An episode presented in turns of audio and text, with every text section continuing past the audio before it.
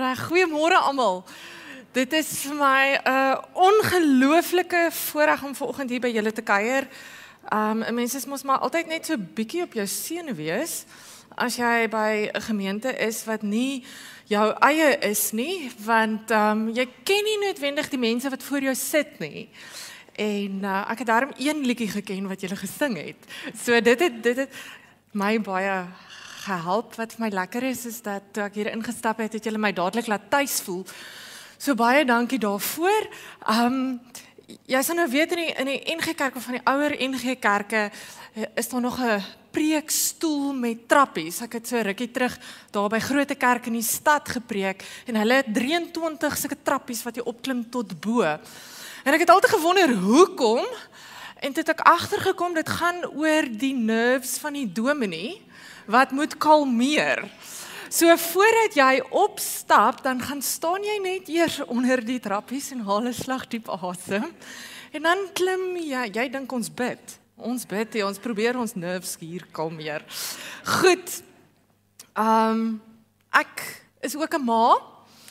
En ehm um, my oudste is nou in graad 8 en my jongste een is in graad 4. Sy is hier onder saam met Nina. Hulle is baie groot maats daai twee. Uh en dis vir my regtig senitergend as ek moet dink al die paas moet vandag kos maak. Want ek weet um dit is nie almal se gawe nie. Nou in ons huis, my man is ook 'n predikant en hy preek ook ver oggend. So hy het 4 uur opgestaan, nie om kos te maak nie, want hy gaan braai, um maar om preek te maak. So julle wil nie weet hoe lyk ons huis ver oggend hê. Ah, niemand het beddens opgemaak nie. Ek hoop almal het tande geborsel. Dis lekker om hier by julle te wees. Ek het 'n professor gehad jare gelede en hy het die sê ding gehad. Ek dink hy gaan hier agter. Ek hoop die goed, daar's hy. Hy het gesê, o, daar staan hy daar voor ook. Cool. Hy het gesê, professor Nico Koopman, die van julle wat hom dalk ken, hy was op 'n stadium die dekaan van die teologiese fakulteit op Stellenbosch en hy het gesê Die woord ma, die woord moeder is 'n geheustet om God se goedheid mee te onthou. So elke keer wat jy die woord ma of moeder of moeksie of wat ook al jy jou ma noem of genoem het gebruik, is dit iets, 'n stut wat jou wat iets mos nou help regop hou, jou geheue regop te hou wat jou moet herinner aan God se goedheid. Nou ons het um nou al bietjie saamgesels vanoggend oor wat ma's alles in die huis doen en ek het nie noodwendig moedersdag preek nie. My preek gaan hopelik van almal op van toepassing wees. Maar ek het in die week navorsing raak geloop wat net vir ons hierdie ding bevestig dat 'n ma se teenwoordigheid in 'n huishouding getuig van God se goedheid. 'n ma se getuie van die Here wat ons dien. So as ons dalk die volgende een van die volgende slides kan opkry. Goed, die die navorsing, ek gaan sommer hierso staan dan kan ek bietjie beter sien. Die navorsing is gedoen deur die Bana Instituut wat 'n organisasie is in Amerika wat navorsing doen onder gelowiges. Nou hulle het 'n studie gehad the powerful influence of moms in the Christian household. Kan julle sien as ek hierdie kant staan? Ek hoop julle kan sien. Goed.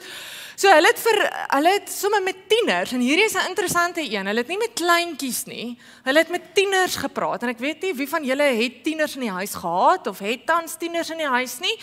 Om met tieners te praat is punt 1 een van die moeilikste goed wat daar is want tieners praat nie noodwendig met hulle ouers nie. Goed. So, die eerste vraag wat hulle vir tieners gevra het is: "Waar kry hulle in die huishouding hulle ondersteuning. En die heel boonste streepie elke keer is die ma, die blou ene. Die pa is die derde streepie wat die pinke is. Goed, so om bemoedig te word, het omtrent 90% gesê hulle kry dit by hulle ma. As hulle raad nodig het, meer as 90% het gesê hulle kry dit by hulle ma. As hulle simpatie nodig het, kry hulle dit by hulle ma. As hulle geld nodig het. Goed. dan kry hulle dit by hulle pa. Goed, as jy nou ooit gewonder het wat is die rol van 'n pa in 'n tiener se lewe, daar het jy dit nou. Goed, en logistiese hulp kry hulle ook by hulle pa. Volgende vraag wat hulle gevra het op die volgende slide. As hy gaan kom, gaan hy kom. Goed, met wie praat die tiener in die huis oor vra oor geloof?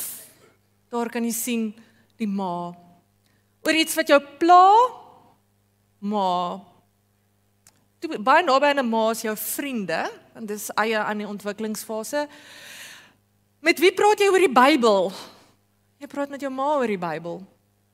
Met wie praat jy politiek? Met jou pa. Goed, met wie oor wie praat jy oor seks? Jy praat daar met jou vriende, dan met jou ma en dalk met jou pa. Reg. Volgende volgende enetjie die laaste een wat ek saamgebring het. Van wie kry jy of hoe waar kry jy geestelike guidance en begeleiding en ondersteuning en aanmoediging? Wie moedig jou aan om kerk toe te gaan? Die ma het hulle gesê. Wie bemoedig my in ander maniere ook? Die ma. Wie is die voorbeeld in terme van geloofsake? Die ma. Wie praat met my oor God se vergifnis? Die ma. Wie leer my van die Bybel? die ma. Wie leer my van tradisies? Daar is die een plek waar grootouers, oumas en oupas wen. As dit 'n kompetisie is, ek dink dit is 'n kompetisie nie. Maar hier kan ons sien dat 'n ma nie net 'n ruggraat om Peers ag Piet se woorde te gebruik. Die ma het 'n het 'n groter rol in 'n huishouding, wys hierdie navorsing vir ons. Die ma herinner kinders en almal in haar teenwoordigheid van God se goedheid en sy genade en sy liefde. Maar Moedersdag is nou nie in die Bybel nie. Né? Nee? Moedersdag het nou eers na Paulus het nou nie so lekker gedink oor oor Moedersdag nie. Sy Moedersdag het nou nie in die Bybel opgeëindig nie. So ek moes mooi en hard gaan dink oor watse teksgedeelte deel ek vandag met julle. In my hart, my gedagtes en ek glo dis die Gees het my sommer dadelik Johannes 15 toegevat. Dit kon my net nie los nie. En ek dink baie ma's ken ook dalk hierdie teks want dit handel oor wingerde en vrug en ons weet almal wat die vrug van wingerde is en ons weet almal wat 'n lekker glas wyn aan die einde van die van 'n moeilike dag beteken. So kom ons ontdek ook wat die Here vir ons vandag deur hierdie teksgedeelte wil sê. En ons gaan nou Johannes 15 lees. Ek het dit sommer die woorde ook daar agterop gesit. Maar lees dit en ek nooi jou uit lees dit met die navorsing wat ek nou net vir jou gewys het. Ook in gedagte. So een kant van jou brein luister die teks, ander kant van jou brein luister die navorsing en, en kyk of daar vir jou op 'n manier 'n raakpunt is. Ek lees vir julle graag uit die message vertaling uit. Ek hoop julle lees ook die Engelse Bybel. Ja, ken julle nou nie? Ek hoop die Engelse Bybel is reg. Goed, die message vertaling. Wag, kom voordat ons voordat ons die woord opmaak, kom ons bid. Dis tog die Here se woord. Ons sluit ons oë en dan sê ons Here, u woord gaan uit na ons toe. En Here, u sê dat u woord nooit leeg na u toe terugkeer nie. Ek bid Here dat u woord ons sal vul en soos die twee snydende swaard daai dele in ons sal oop vlek waar genesing nodig is. Here, ek bid dat u vandag net deur u woord met ons gaan praat. Amen. Reg, ek lees vir ons van vers 1 tot by vers 10 as jy dalk in jou Bybel wil volg. I am the real vine, sê Jesus nou, en hy praat met sy disippels. And my father is the farmer. He cuts off every branch of me that does not bear grapes, and every branch that is grape bearing he prunes back so it will bear even more. you are already pruned back by the message I have spoken. Live in me. Make your home in me just as I do in you. En ek gaan daai weer lees want dit is ons ons fokus teks vir vandag. Live in me, make your home in me just as I do in you. In the same way that a branch can't bear grapes by itself, but only by doing or by being joined to the vine, you can't bear fruit unless you are joined with me. I am the vine, you are the branches. When you're joined with me and I with you, the relation intimate and organic, the harvest is sure to be abundant. Separated, you can't produce a thing. Anyone who separates from me is dead wood, gathered up and thrown on the bonfire. But if you make yourselves at home with me, and my words are at home in you, you can be sure that whatever you ask will be listened to and acted upon. This is how my Father shows who He is when you produce grapes, when you mature as my disciple. I've loved you the way my Father has loved me. Make yourselves at home in my love. If you keep my commands, I'll remain intimately at home, or you'll remain intimately at home in my love. That's what I've done. Kept my Father's commandments and made myself at home in his love. Ons lees tot daar. Nou hierdie teksgedeelte is deel van 'n gesprek wat Jesus met sy disippels het die aand voor Jesus se kruisiging. En ons weet nie baie van wat alles in daai vertrek gesê is nie. Ons weet van voete wat gewas is en ons weet van 'n nagmaal wat saam het, ete wat saam gevier is. Ons weet van iemand wat Jesus gaan verraai. Maar verder weet ons nie te veel nie. Ons weet die disippels was daar, maar ek neem aan daar was ander mense ook, maar ons weet nie altyd presies wie daar was nie. Wat ek wel weet, is dat die spanningsvlakke en dat die angsvlakke hoog was. Ek en jy weet hoe hierdie storie eindig want ons lewe aan hierdie kant van die kruisiging en van die opstanding. Maar vir die mense in die vertrek, vir die disippels in die vertrek, hulle het niks geweet nie. Jesus praat hierdie goed, maar hulle het eintlik nie 'n cooking clue van wat vir hulle voorlê nie. So die spanning het dik geloop. En dis dan in hierdie konteks, in hierdie spanningsvolle konteks wat Jesus 'n metafoor gebruik wat hulle ken, die metafoor van 'n wingerd. Om vir hulle 'n plan van aksie te gee om in die toekoms in te gaan. Hierdie onseker toekoms wat hulle nie 'n klou het wat gaan gebeur nie, gee Jesus vir hulle 'n plan van aksie. Want eintlik is dit nie 'n plan nie. Jesus gee vir hulle 'n verhouding. Ons het nou nou so 'n bietjie oor tieners gepraat. En miskien ken jy hierdie ervaring, maar vriendskap in die tienerjare is nog al 'n ingewikkelde ding. Veral as jy meisiekinders het of as jy 'n meisie is. Grootmensvriendskappe is ook ingewikkeld, maar gats Tienervriendskappe is nogal 'n ding wat wat ons in ons huishouding op hierdie stadium probeer navigeer. Daar's altyd ons ons noem dit het, as sy in die kar klim vir ons vir het jy vir ons asseblief 'n sewende laan verslag. So dit gaan oor die die dramas wat by die skool gebeur. Die skoolwerk is fyn. Ons vra eintlik nie eers oor die skoolwerk nie. Ons wil net op hoogte bly van die sepie wat by die skool in die gang is. Daar's al ewig een of ander drama. En iewers en ek glo dis die Gees het ons die wysheid ontvang om met ons meisiekind te praat nie oor wat wat maaks wat is 'n slegte vriend? Hoe lyk 'n slegte vriendskap en 'n slegte vriend doen dit en doen dit of doen nie dit nie of doen nie dit nie. Ons het die wysheid gekry om eerder met haar te praat oor hoe lyk 'n goeie vriendskap? Hoe lyk 'n goeie vriend? As iemand dan nou iets met aanvang, daar was nou in hierdie week so 'n insident En ons moes toe nou vir haar sê, "Goed, as as dit is hoe hierdie vriendin van jou jou laat voel aan die binnekant, dink jy sy's 'n goeie vriendin of nie?"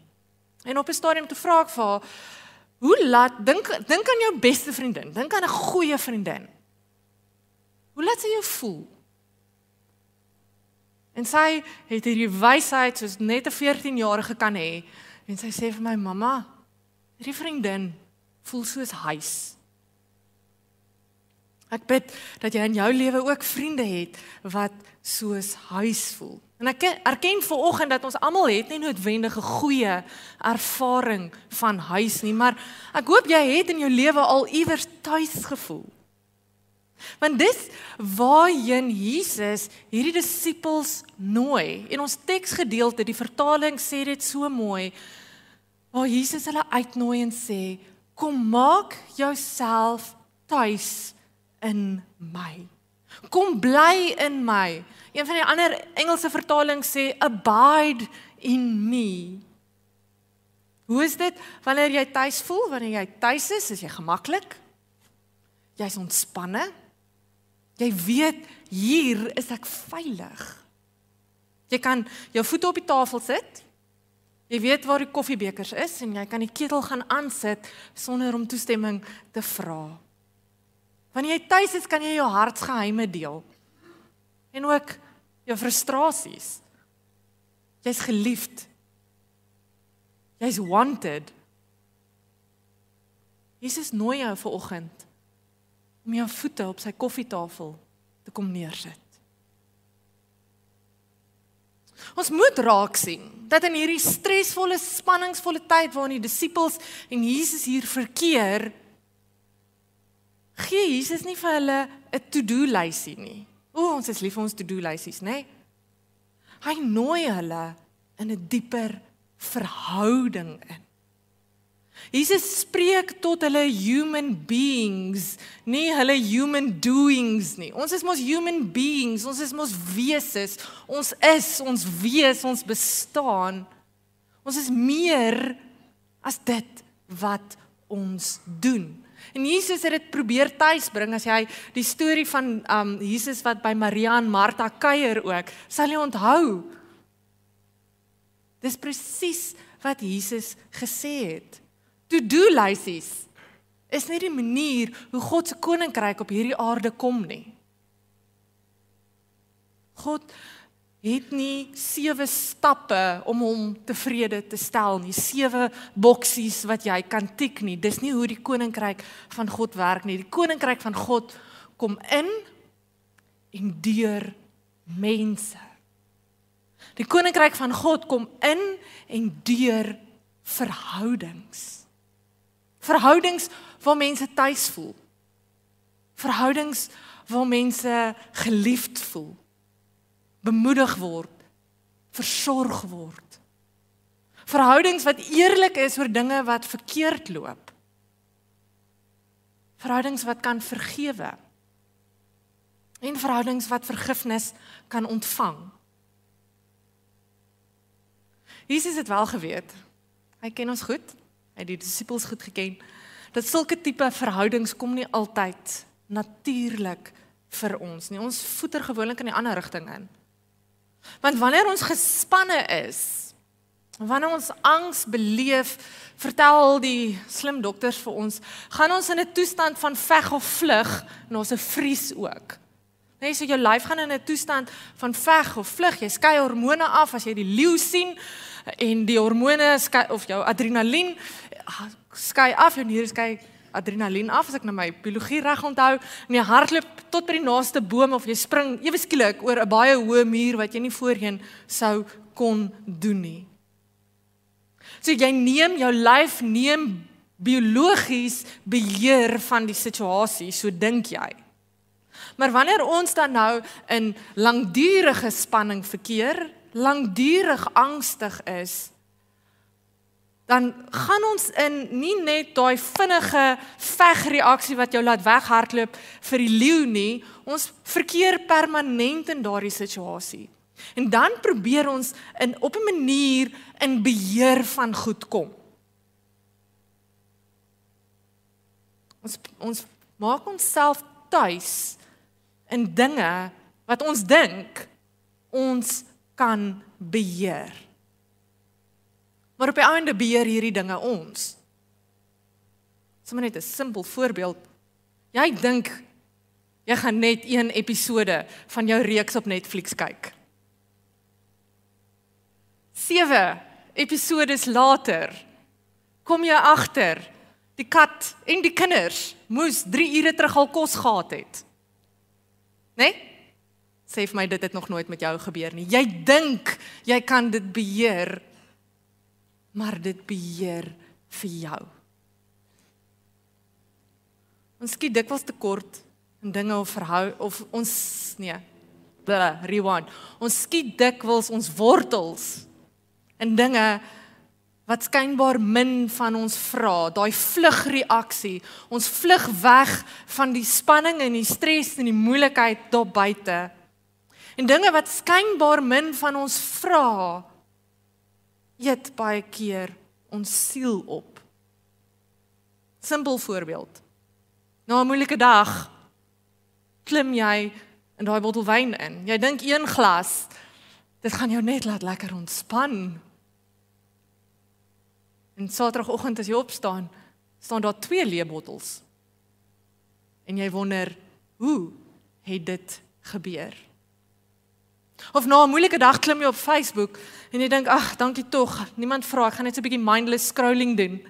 Nê? Nee? En 2 ure later van jou data op is of jou foon se battery pap is. En kom jy agter, jy sê maar ek voel nie lekker nie. Nee, nee, navorsing het al vir ons soveel resultate gelewer oor hoe skadelik oormatige gebruik van sosiale media kan wees. En nou wil ek net sê in opsigself is hierdie goed nie sleg nie. Sosiale media is nie sleg nie. Netflix is nie sleg nie, maar wanneer mens dit gebruik as 'n kruk om deur hierdie lewe te te gaan, word dit 'n cop out. Dit word 'n plaasvervanger deur die harde werk wat die Here ons heen roep om verhoudings te bou waar mense tuis voel. Waar ons tuis kom in God se liefde. En ons lees in ons teks Jesus is dan baie eerlik oor die gevolg van die plek waar jy jouself tuis maak. Die keuse wat wat jy maak, waarin maak jy jouself tuis? Wanneer jy kies om gewortel in Christus te wees, gaan jy vrug dra. As jy kies om gewortel te word in Christus en in sy liefde, gaan jy vrug dra. Jy het nie beheer daaroor nie, dit gaan net uit jou uitkom. En hierdie vrug gaan ander mense se lewe 'n beter plek maak, gaan die wêreld 'n beter plek maak selfs in moeilike of juis in moeilike en spanningsvolle tye. Wanneer jy kies en Jesus gee vir sy disippels hier 'n keuse. Wanneer jy kies om jouself elders te gaan wortel en te gaan tuis maak as in Christus, loop dit op die dood uit. Geestelike dood, dood in verhoudings, 'n doodsheid in jouself. En dis dan wanneer rowwe tye en spanningsvolle tye jou insluk en vir soetkoek opeet. Jesus herinner my ver oggend en julle ek preek bitter hard vir myself hier ver oggend. Hoor, as jy dink jy ek preek vir jou, preek vir jou ook, maar ek preek baie hard vir myself ver oggend. Jesus herinner ons ver oggend deur hierdie teks die padkaart die toekoms in. Die toekoms waar ek en jy so onseker en in 'n mate baie gespanne is, is gesetel in wie ons is in hom, nie in wat ons doen nie. Ons moenie ons to-do lysies verwar met vrug nie. Die vrug waarvan Jesus hier praat nie. Vrug kom vanuit wie ons is in hom wanneer ons tuis is in hom en die vrug is altyd tot voordeel van ander mense, nie noodwendig van myself nie. 'n Perskeboom dra perskes. En 'n perskeboom kan nie sê ja, my my perskes lyk lekker, kom ek eet 'n perske en dan eet ek die perske en nou kan ek nou as ek goed en sterk en nou kan ek lekker verder groei en verder perskes dra dat ek weer my eie perskes opeet nie. Nee. 'n Perskeboom dra wel perskes waaraan voels kan kom pik en versterk word en verder kan vlieg. To-do lysies en maas sal weet waarvan ek hier praat. To-do lysies, ons verwagting van ander mense van wat hulle moet doen en nie moet doen nie, verwagting op myself van wat ek moet doen en wees en en wat ek ja, al daai dinge, jy weet mos hoe werk 'n ma se kop, is dikwels ter wille van onsself ons eie oorlewing vrug is ter wille van ander mense en ter wille van God se gewin. Vrug lyk soos verhoudings wat tyd maak vir mense wat geduldig is, wat gesond maak, wat liefhet, wat genees, wat vergewe. En op hierdie punt moet ek bely, ek is een van daai mense as ek gestres raak, gaan ek in daai rat van to-do lysies in. Dan raak ek vreeslik taakgeoriënteerd. My man kan baie daarvan getuig. So wanneer ek gespanne is en buite beheer voel, probeer ek beheer terugkry oor die dinge wat ek wel kan beheer.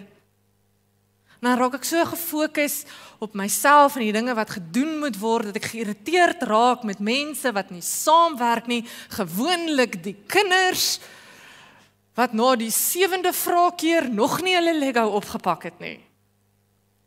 En wat gebeur dan? Elke ma weet wat dan gebeur. Dan ontplof jy. En die hele huishouding ly skade in daardie ontploffing. En wanneer ek tyd dalk het, wanneer ek so gespanne is en ek het tyd, dan blaf ek net bevele.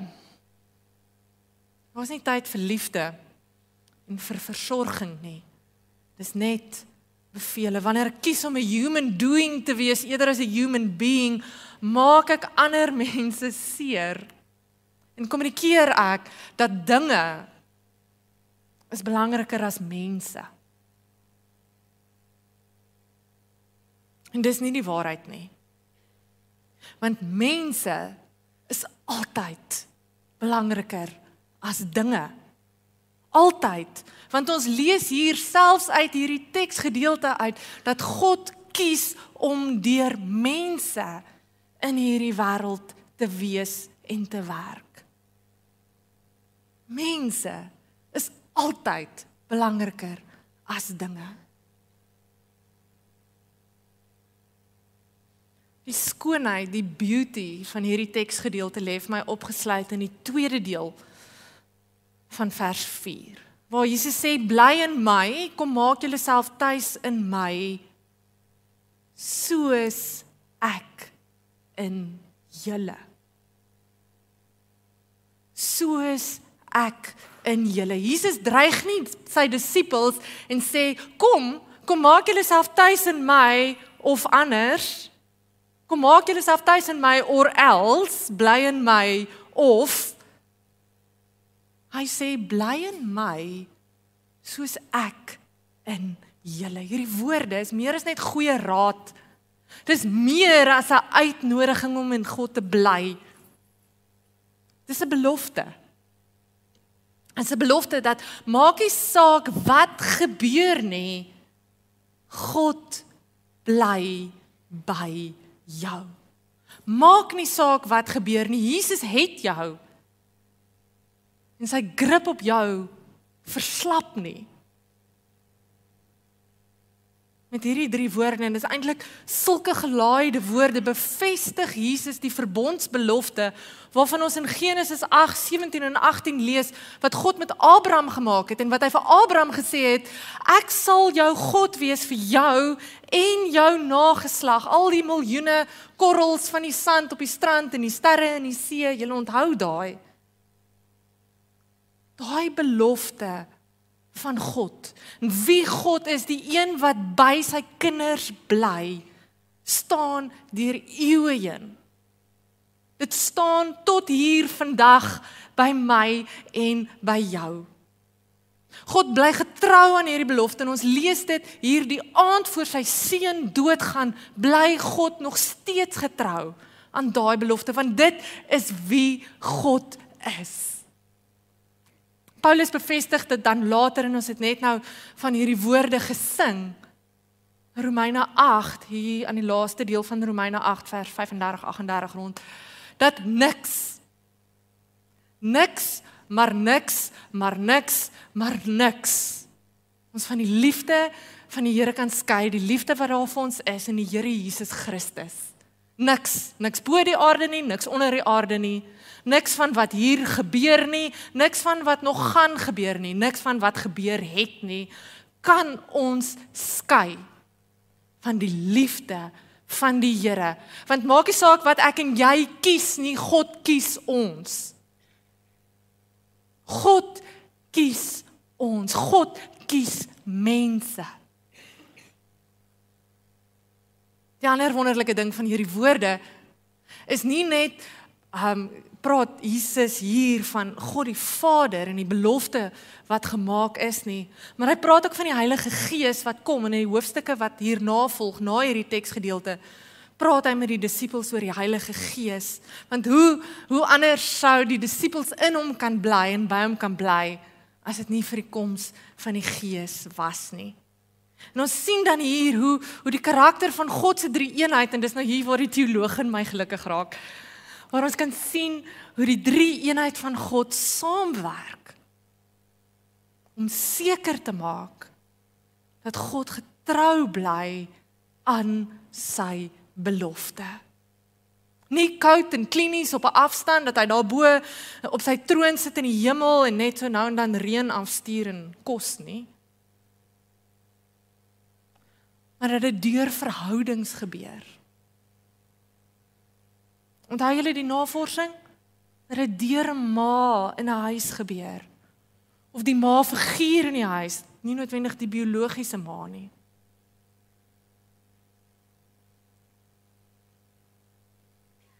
Deur verhoudings wat gekenmerk word deur liefde en goedheid. God is hier. Deur ons.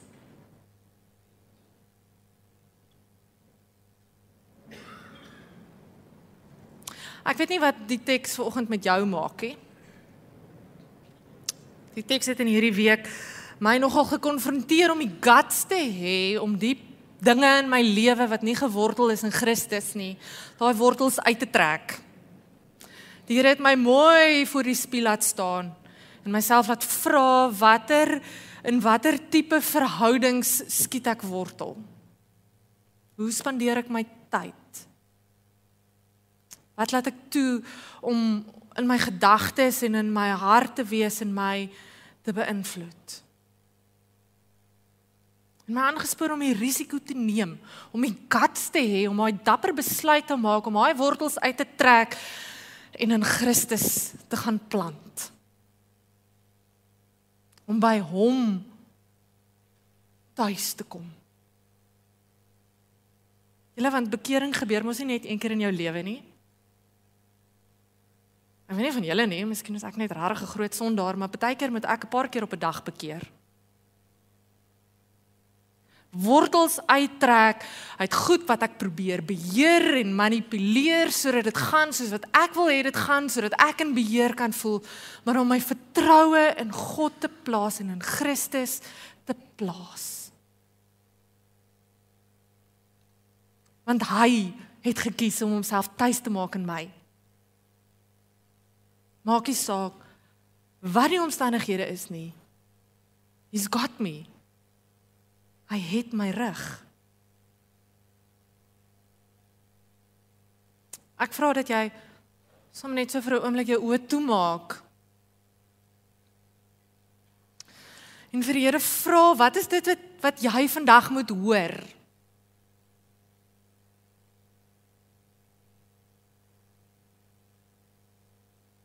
Of wat is dit wat jy vandag moet glo? En dit was nog 'n vraag in my, glo ek waarlik dat ek werd is dat die Here homself tuis maak in my?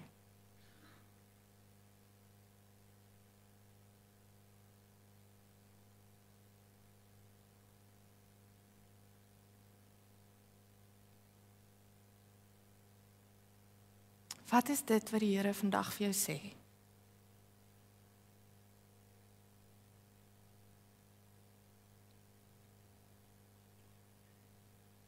En ek sluit af met die woorde wat ek mee begin het van professor Nico Koopman. Wat sê dat 'n ma is die geheuestit of is 'n geheuestit, iets wat ons geheue regop hou. Wat ons herinner aan God se goedheid. Mag die ma figuur in jou lewe jou daaraan herinner dat net soos wat jy in haar huis kan tuiskom, tuis was, tuis is, kan jy in Christus tuiskom. Want hy het al reeds tuis gekom in jou. Eeue gelede al, toe hy daai belofte aan Abraham gemaak het. En hy is oneindig lief vir jou.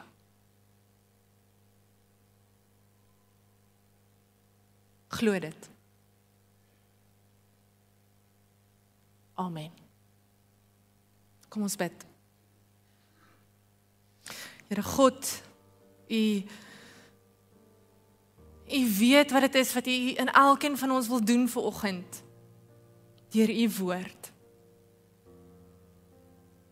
Here U weet waar daai plekke is, waar daai dinge is waar ons daai wortels moet optrek. En ons tassies moet pak. Here sodat ons kan tuiskom by U daarmee. En ek bid Here dat U ons sal vergewe. Here dat ons ons self tuis maak by by dinge en by plekke en by mense. Here wat wat nie in U is nie.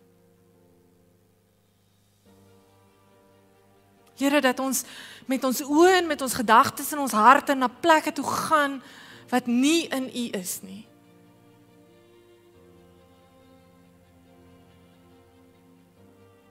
Dankie Here dat U ons nooi vandag weer opnuut na U toe. Here, dankie dat ons ons voete op die koffietafel kan sit en kan tuis wees. Here, want U is liefde. U is goed. Here, U sorg vir ons. U versorg ons. U gee vir ons wat ons nodig het. Genoeg van wat ons nodig het. Dat ons nooit tekort sal hê wanneer Here ons in U is nie.